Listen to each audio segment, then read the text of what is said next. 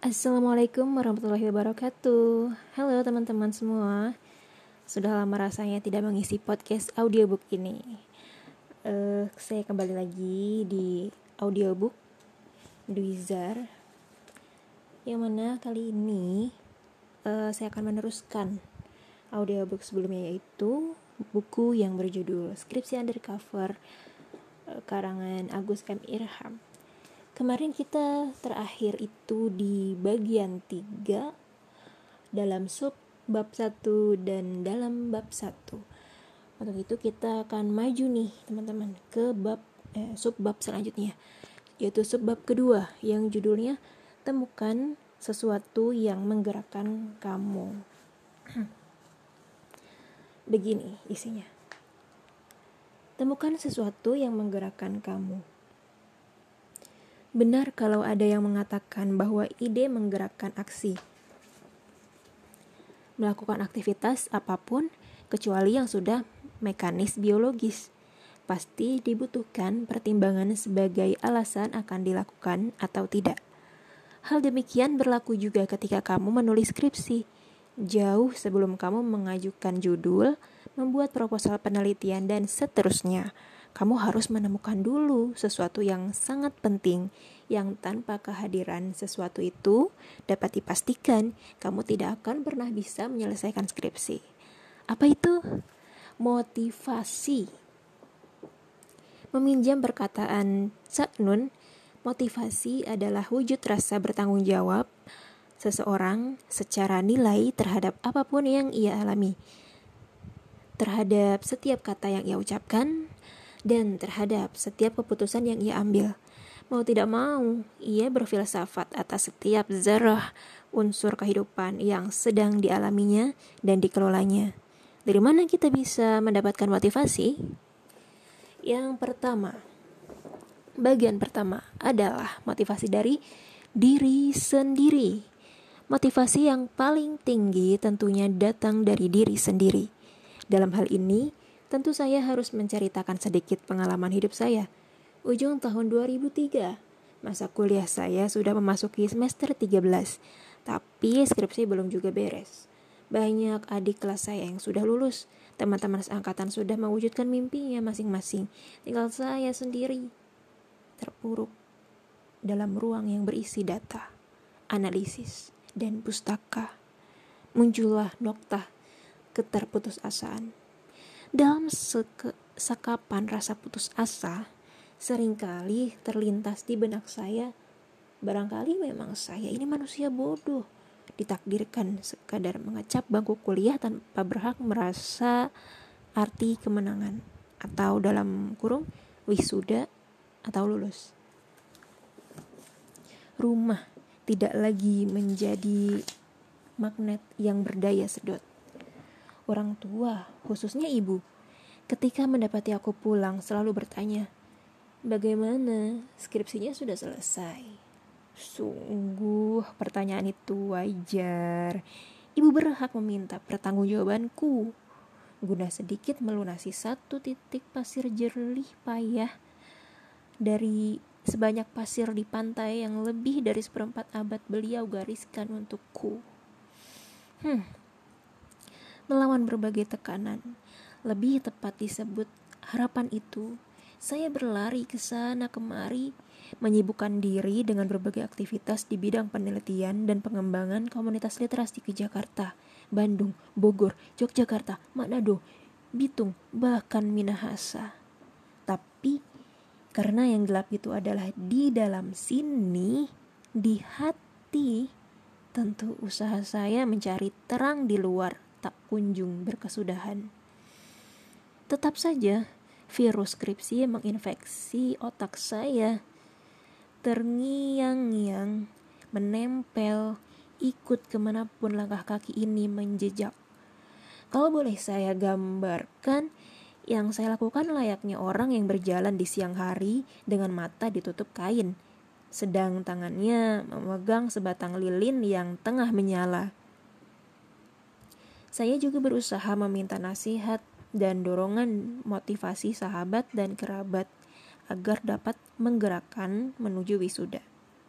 Dalam kurung mengerjakan skripsi. Hmm. Tapi tetap saja hasilnya hati ini tak kunjung tergugah.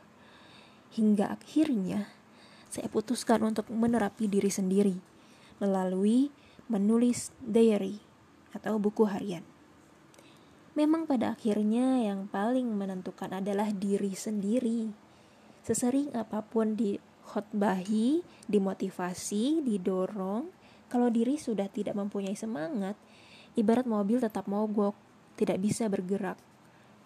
Jangan pernah menyalahkan pihak lain sebagai sebab atau biang kerok.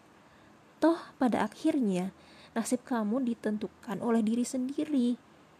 Jangan pernah menjadi pesimis karena pesimis atau putus asa adalah bentuk kesombongan. Ia bisa dikatakan mendahului ke kehendak Allah. Dan jangan pernah mendahului nasib. Berusaha terus sampai titik penghabisan. Memanggil file-file kehidupan kamu yang berisi kisah sukses dapat membangkitkan semangat. Yakinkan bahwa kamu bisa menyelesaikan skripsi. Karena di masa lalu-lalu ketika kamu menghadapi situasi yang sama beratnya, bahkan lebih berat, kamu mampu survive dan tampil menjadi pemenang. Apalagi skripsi yang sama sekali bukanlah momen hidup mati. Camkan pada diri kamu. Keberhasilan kamu sepenuhnya tergantung pada kamu. Meskipun katakanlah kamu telah berhasil menyalahkan orang lain. Tetap saja, kamu akan dirundungi rasa bersalah jika tidak kunjung menyelesaikan skripsi. Orang lain juga sama sibuknya dengan kamu, sama berdarah-darahnya. Ingat kembali bagaimana kamu mengukir prestasi, bagaimana kamu mengusahakannya dan pada akhirnya mendapatkannya. Mulai dari keberhasilan kecil yang kamu dapatkan dengan mudah hingga keberhasilan terbesar yang kamu usahakan hingga titik darah penghabisan. Misalnya, saat masih kuliah, kamu sudah menerbitkan buku. Artikel kamu pernah dimuat media nasional, pernah terlibat dalam penelitian berskala internasional, dan segala prestasi yang sejenis dengan itu. Hal tersebut sangat tetap oh, hal tersebut saya terapkan pula pada diri saya. Hasilnya luar biasa. Saya jadi sangat bersemangat untuk menyelesaikan skripsi. Meskipun mendapat dosen pembimbing yang banyak mahasiswa menyebutnya sebagai dosen killer. Saya juga menanamkan pada diri jika saya berhasil menaklukkan si dosen akan banyak manfaat yang bakal saya dapat. Dan entah mengapa, kok saya justru penasaran seberapa killer kah si dosen pembimbing saya itu Semakin penasaran, semakin saya tergerak untuk menaklukkannya. Hitung-hitung sambil melatih seberapa jauh kesabaran saya untuk bisa mendengar orang lain. Lalu, bagian yang kedua, motivasi dari keluarga. Selain dari diri sendiri, motivasi juga bisa dilecutkan dari keluarga. Keluarga menjadi pihak paling berkepentingan atas kelulusanmu tentu setelah dari diri kamu sendiri. Misalnya, ketika kamu berhasil memperoleh gelar sarjana, itu dapat menjadi pintu pembuka buat adik-adik kamu. Timbullah optimisme bahwa si adik juga dapat kuliah.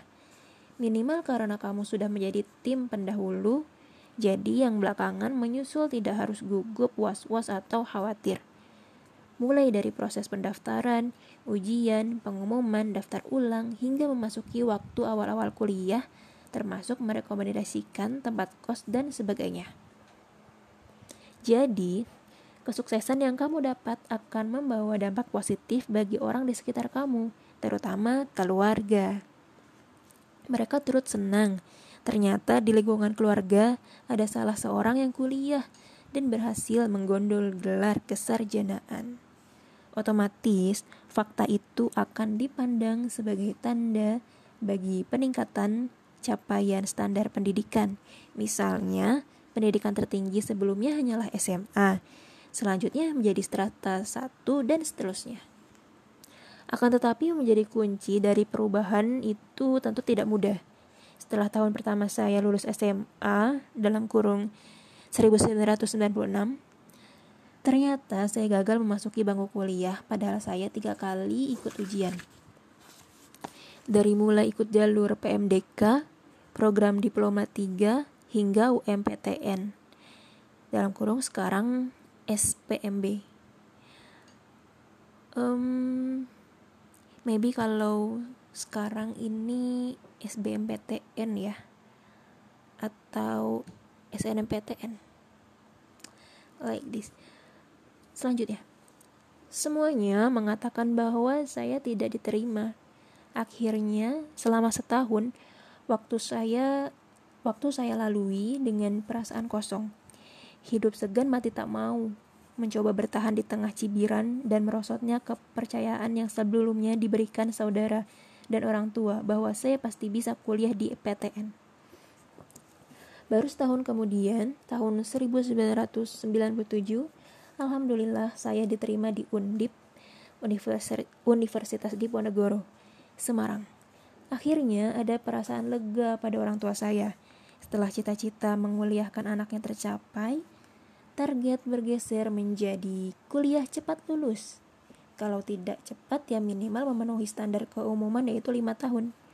Namun perjalanan hidup ternyata tidak mulus. Saya mendapat pengumuman dosen pembimbing skripsi pada tahun pada akhir tahun 2000 sedangkan saya selesai skripsi April 2004. Jadi lamanya hampir 8 semester. Sudah seperti kuliah lagi saya. Akibat molornya waktu studi, orang tua saya kembali dicekam suasana was-was dan khawatir. Kalau-kalau saya mogok di jalan, tidak mau menyelesaikan skripsi.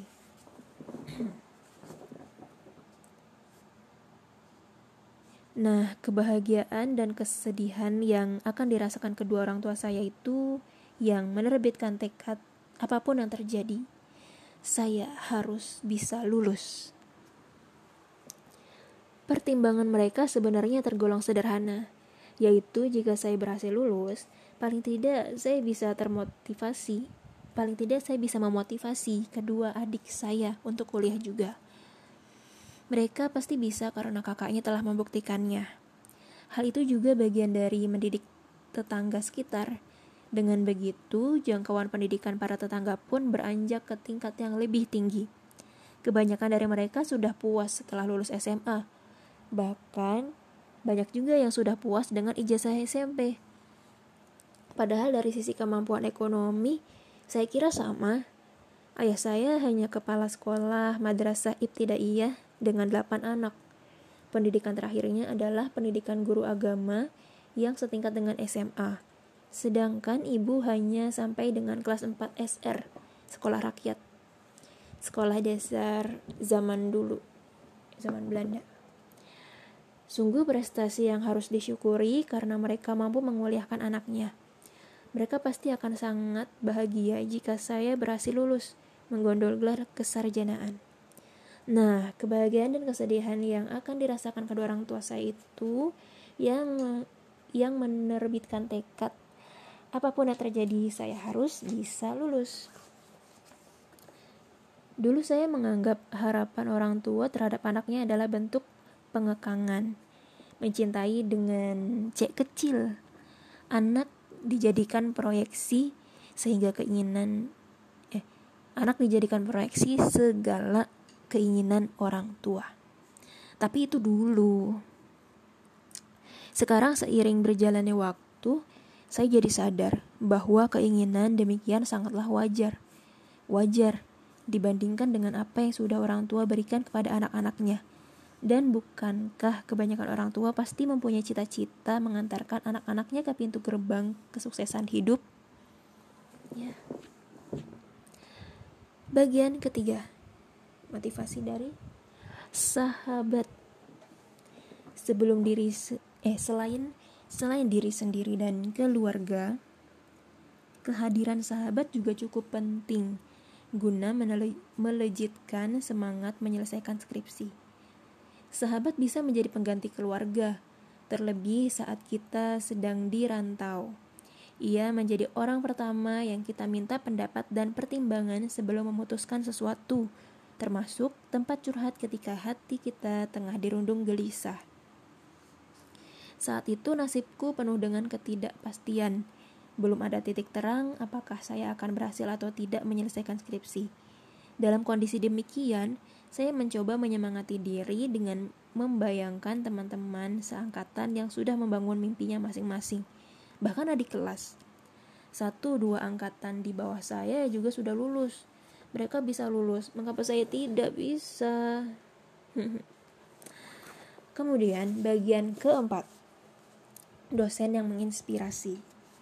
Carilah dosen yang mempunyai pandangan terbuka terhadap perubahan dan pencapaian-pencapaian pengetahuan baru.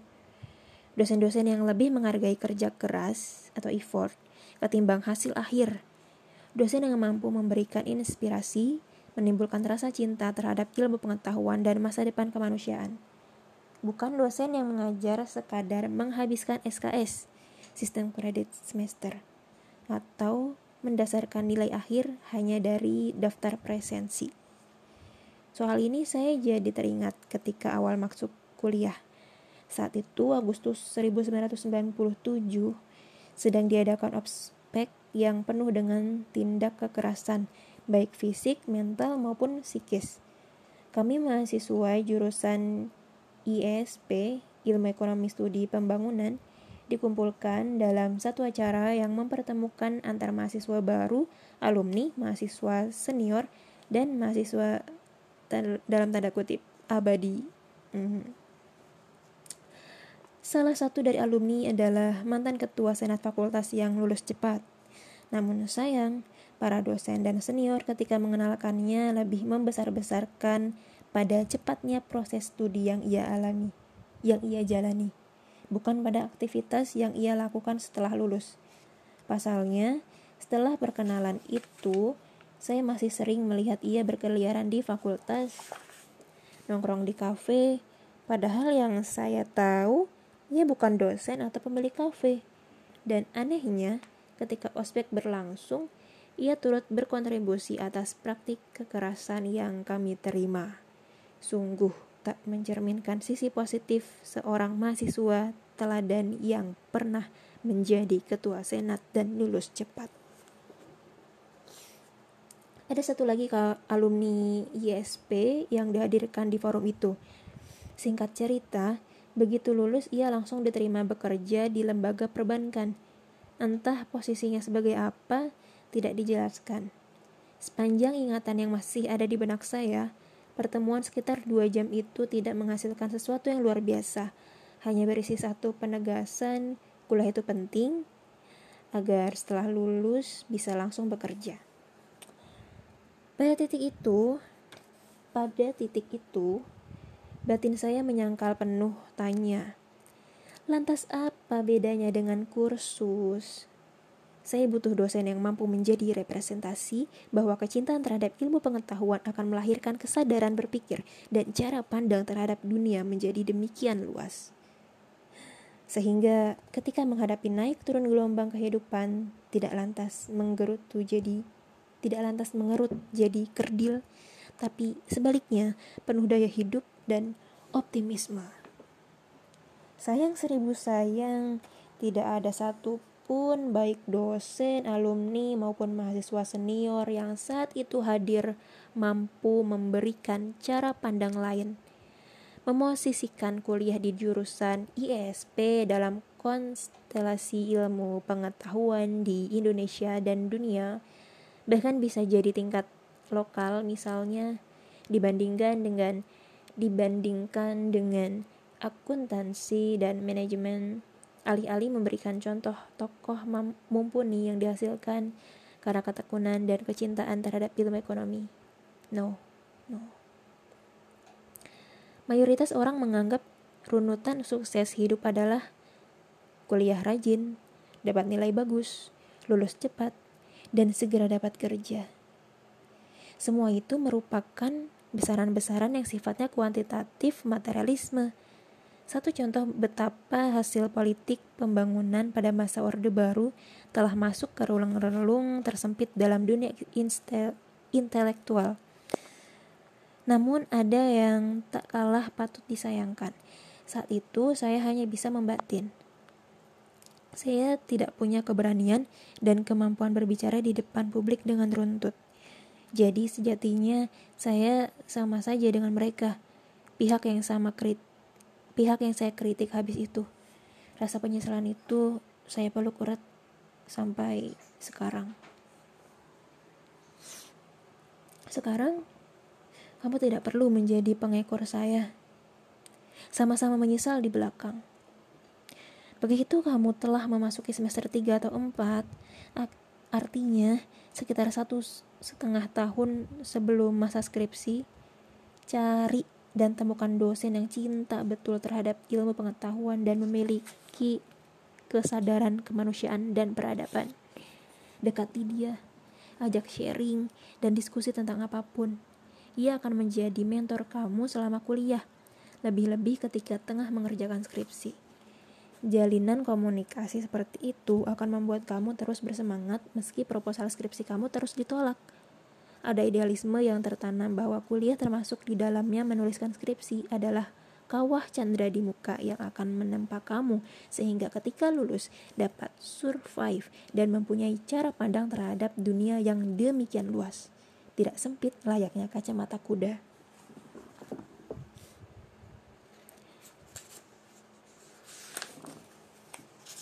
Setelah itu, bagian selanjutnya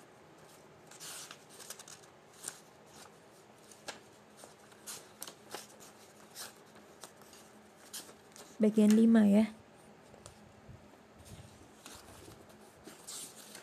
Oke. Bagian 5 adalah terus perbarui motivasi kamu. Suasana batin sering kali berubah-ubah. Hal itu dapat mempengaruhi motivasi menulis skripsi kamu. Maka dari itu, kamu harus selalu memperbarui motivasi kamu. Salah satu caranya adalah dengan mengingat kembali keberangkat keberangkatan awal atau titik pijak pertama. Mengapa kamu harus menyelesaikan skripsi? Buatlah daftar semua alasan yang menurut kamu sangat emosional untuk dijadikan sebagai motivasi. Misalnya, Pertama, jika kamu tidak selesai skripsi, orang tua tidak akan mengakui kamu sebagai anak. Hmm. Ini hanya misal, ini misal. Saya percaya tidak ada orang tua yang kejam seperti itu. Tapi nggak tahu, ding. Dalamnya laut bisa diukur, dalamnya hati siapa tahu. Alasan emosional yang kedua, jika kamu di DO gara-gara skripsi belum selesai, ibu kamu akan menangis menanggung rasa kesedihan yang mendalam, dan seterusnya. Setiap hari bisa berubah-ubah, sesuaikan saja dengan perkembangan suasana batin kamu. Hal lain yang dapat dijadikan sumber motivasi, ini pengalaman saya niatan untuk mengambil tanggung jawab yang lebih besar. Jauh di atas yang semestinya saya tanggung, contoh kecil misalnya, ketika kamu berinteraksi dengan anak-anak.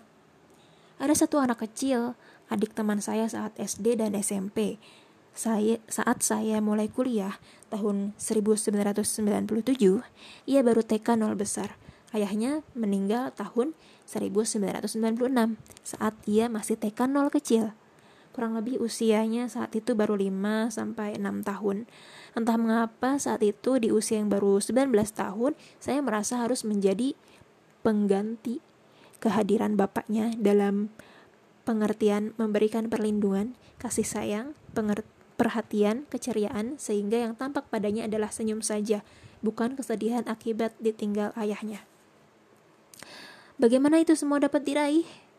Jalan yang paling rasional adalah saya harus berupaya untuk mendapatkan hidup sukses, baik secara pendidikan maupun ekonomi, sehingga mempunyai keleluasan untuk berbuat sesuatu serta memberikan contoh untuk anak tersebut.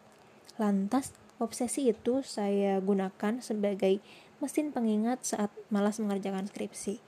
Dalam hati saya berbicara, bagaimana saya mampu mengambil tanggung jawab yang lebih besar? Lawang mengerjakan skripsi saja sudah kalang kabut. Atau bagaimana bisa mengambil tanggung jawab yang lebih besar? Kewajiban kecil saja ditunaikan dengan tidak serius. Kalimat-kalimat itu yang saya perdengarkan pada telinga saya sendiri agar timbul semangat untuk mencari data, literatur, termasuk menemui dosen, dan tentu saja mengetik dan menyusun bahan-bahan skripsi yang sebelumnya saya peroleh. Karena tanpa menuliskannya, takkan mungkin skripsi jadi selengkap apa pun bahan yang telah dipunyai. Pernah saya diingatkan oleh dosen, meskipun tinggal kesimpulan dan saran, jika tidak mau menulis lagi, skripsi kamu tidak bakal selesai bisa memakan waktu satu semester, bahkan lebih. Menumbuhkan motivasi bisa juga dengan mengingat orang-orang yang kita sayangi dan menyayangi kita. Bayangkan, mereka selalu memberikan nasihat seolah-olah berucap, "Yang sabar, anakku. Tidak ada kesuksesan yang diraih tanpa kerja keras, keseriusan, dan keberanian mengambil resiko." Mm-hmm. Agar tidak terlalu larut ke dalam pengasihan diri, saya juga sering membayangkan golongan masyarakat yang tinggal di daerah konflik yang setiap hari diintai kematian, baik oleh peluru, penembak jitu, maupun bom yang berpotensi membunuh lebih banyak dengan satu ledakan. Duar! Setiap hari golongan masyarakat demikian dihadapkan pada pilihan hidup atau mati. Sudah begitu, mereka tetap bersemangat meneruskan kehidupan yang tak menyenangkan layaknya kita sekarang. Semangat mengerjakan skripsi juga sering muncul ketika saya bertemu dengan adik angkatan yang juga belum selesai. Saya beri ia motivasi agar bangkit dan terus bersemangat. Sebenarnya itu bagian dari upaya saya memotivasi diri saya sendiri. Sama halnya ketika saya menolong atau memberi kebermanfaatan uh, pada orang lain. Saat memberikan dorongan atau semangat pada orang lain, saya pun ikut termotivasi, terdorong, tersemangati. Sering sekali saya mengatakan begini, yang butuh kelulusanmu bukan dirimu, tapi fakultas, universitas. Uh, meskipun saya juga butuh, tapi itu sebagai motivasi. Lagi pula, ini menyangkut jejak rekam prestasi satu universitas dan fakultas. Tentu kalau angka DO tinggi, jelas itu berakibat pada buruknya performance universitas. Termasuk ketika bertemu dengan aktivis rohis, kerohanian Islam, yang melempem, yang tidak punya semangat menyelesaikan skripsi. Dengan ada kesal saya katakan, mengaku sebagai representasi kehadiran Tuhan, rahmat bagi seluruh alam, kok melempam seperti itu memalukan Islam saja. Nulis skripsi saja tidak mampu, kok mau melawan Yahudi? Ah, harap diingat, setiap akan bimbingan, perbarui motivasi kamu untuk mengerjakan dan menyelesaikan skripsi. Kamu sudah ditunggu mertua. sudah ada perusahaan yang siap menerima kamu menjadi staf atau karyawannya. Sudah ada kesempatan untuk dapat melanjutkan studi ke universitas di luar negeri kalau tergolong mahasiswa senior, mahasiswa abadi, malu dengan adik-adik angkatan yang sudah lulus dan membangun mimpinya masing-masing, memasuki dunia yang senyatanya. Sementara kamu tidak berani menghadapi kenyataan, takut dicap sebagai sarjana pengangguran karena biasanya selepas wisuda ada saatnya menganggur serta takut mencari lowongan dan mengirimkan lamaran kerja yang kemudian terus ditolak kamu ciut hati kalau lulus. Akhirnya kamu memilih untuk menjadi mahasiswa abadi. Kamu nyaman dengan status mahasiswa, meski hanya dengan meski hanya secara de jure saja. Karena secara de facto kamu sudah bukan lagi mahasiswa. Semua mata kuliah sudah diambil. Tiap registrasi semester hanya mengambil skripsi yang ber-SKS 6 itu. Yakinkan pada diri kamu bahwa untuk sampai langkah ke seribu, kamu harus selalu dimulai dengan langkah ke satu. Jika kamu tidak mau bimbingan, sudah barang tentu pintu bernama kelulusan akan senantiasa tertutup karena pintu itu tidak pernah kamu ketuk. Kesulitan yang kamu dapat, anggap sebagai sesuatu yang akan membawa kedewasaan hidup kamu, bahwa segala sesuatu yang diraih dengan tidak seketika butuh perjuangan dan konsistensi. Nice. Selanjutnya, bagian ke-6. Dipepet waktu. Niat merupakan hal yang penting dalam melakukan suatu hal dan bukan terbatas sekadar ibadah.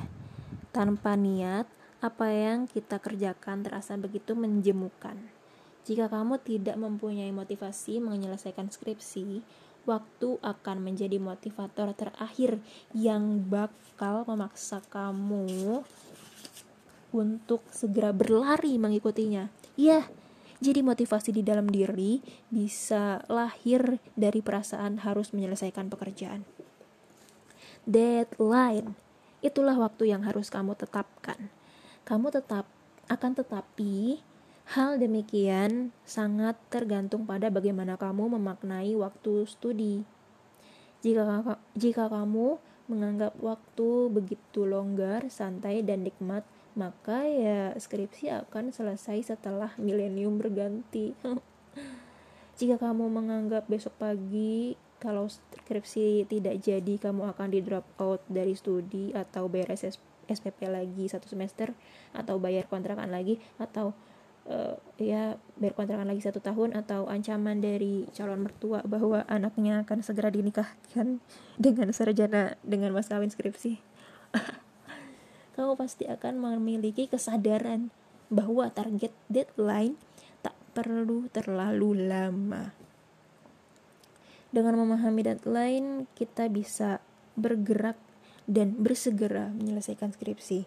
Tapi keterges ketergeseran sih? Ke ketergeseran dan rasa terburu sorry guys sorry guys ini saya belibet bacanya. Tapi ketergeseran. Ini kayak tipe deh tunggu ya guys. Maksudnya ini tapi ke ketergesaan gitu loh. Dan rasa terburu. Biasanya berbanding terbalik dengan kualitas pekerjaan gitu loh guys maksudnya. Hmm. so guys lanjut.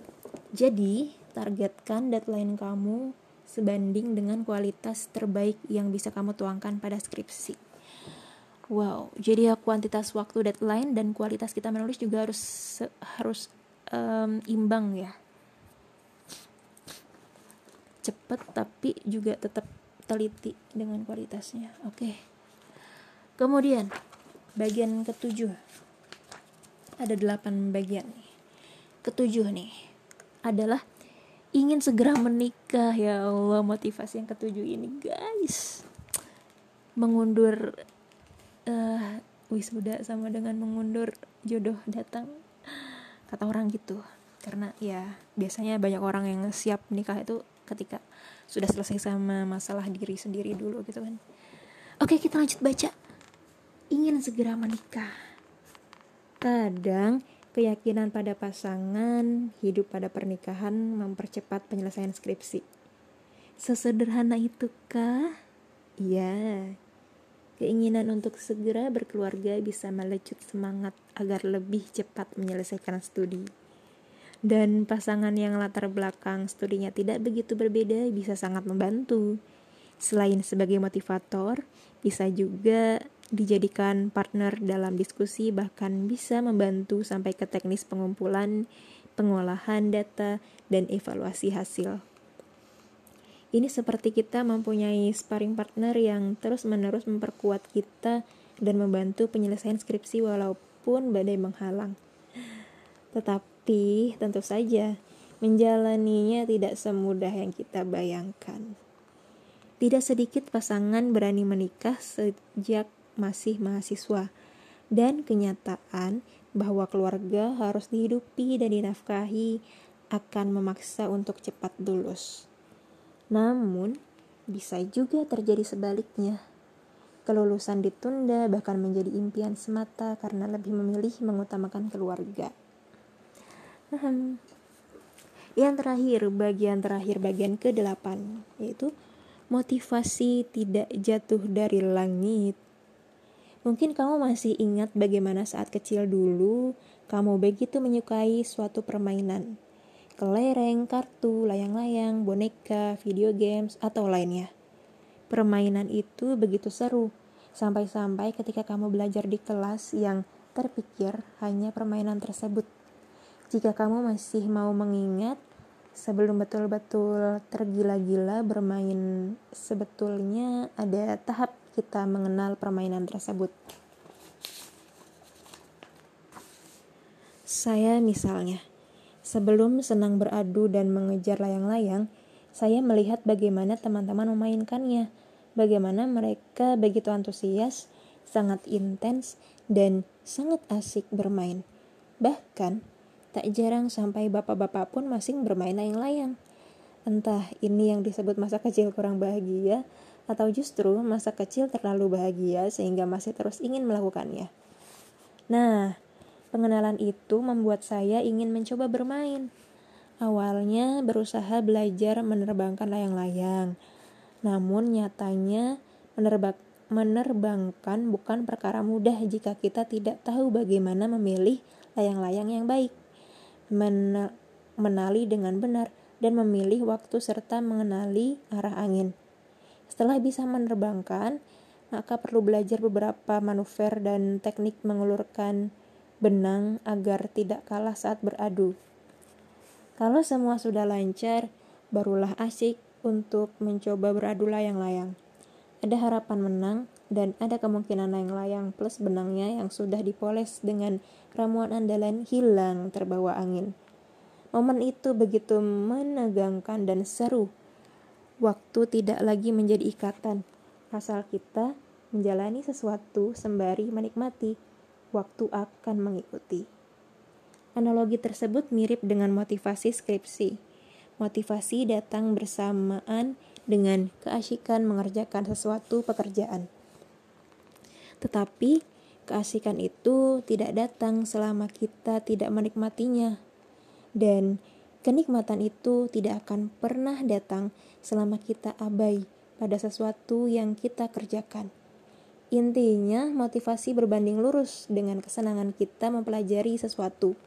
Dan paling logis dalam menumbuhkan motivasi skripsi adalah mencari topik sesuai dengan bidang yang paling kita sukai. Idealnya, topik skripsi sudah kita pikirkan ketika kita masih mengikuti kuliah yang kita anggap favorit. Kalaupun itu belum dilakukan sampai pada saat harus mengerjakan skripsi, jika masih memungkinkan, tetaplah pilih bidang yang kita sukai. Dengan begitu, motivasi akan lebih mudah tumbuh dan terus ada. Sekian bagi uh, subbab kedua yang sudah uh, saya baca yang berisi motivasi-motivasi menulis skripsi. Kita um, sampai ketemu lagi di podcast selanjutnya pada subbab ketiga nanti tentang mendadak skripsi. Apa itu isinya mendadak skripsi? Tunggu aja di podcast audiobook selanjutnya. Terima kasih sudah mendengarkan. Semoga kalian termotivasi untuk menulis skripsi bagi yang sedang menuliskannya dan begitu juga dengan saya sendiri yang membacakan buku ini. Semangat untuk kita semua. Semoga sebentar lagi impian kita tercapai. Amin, ya rabbal alamin. Jangan lupa berdoa. Cheers, semangat. Assalamualaikum warahmatullahi wabarakatuh.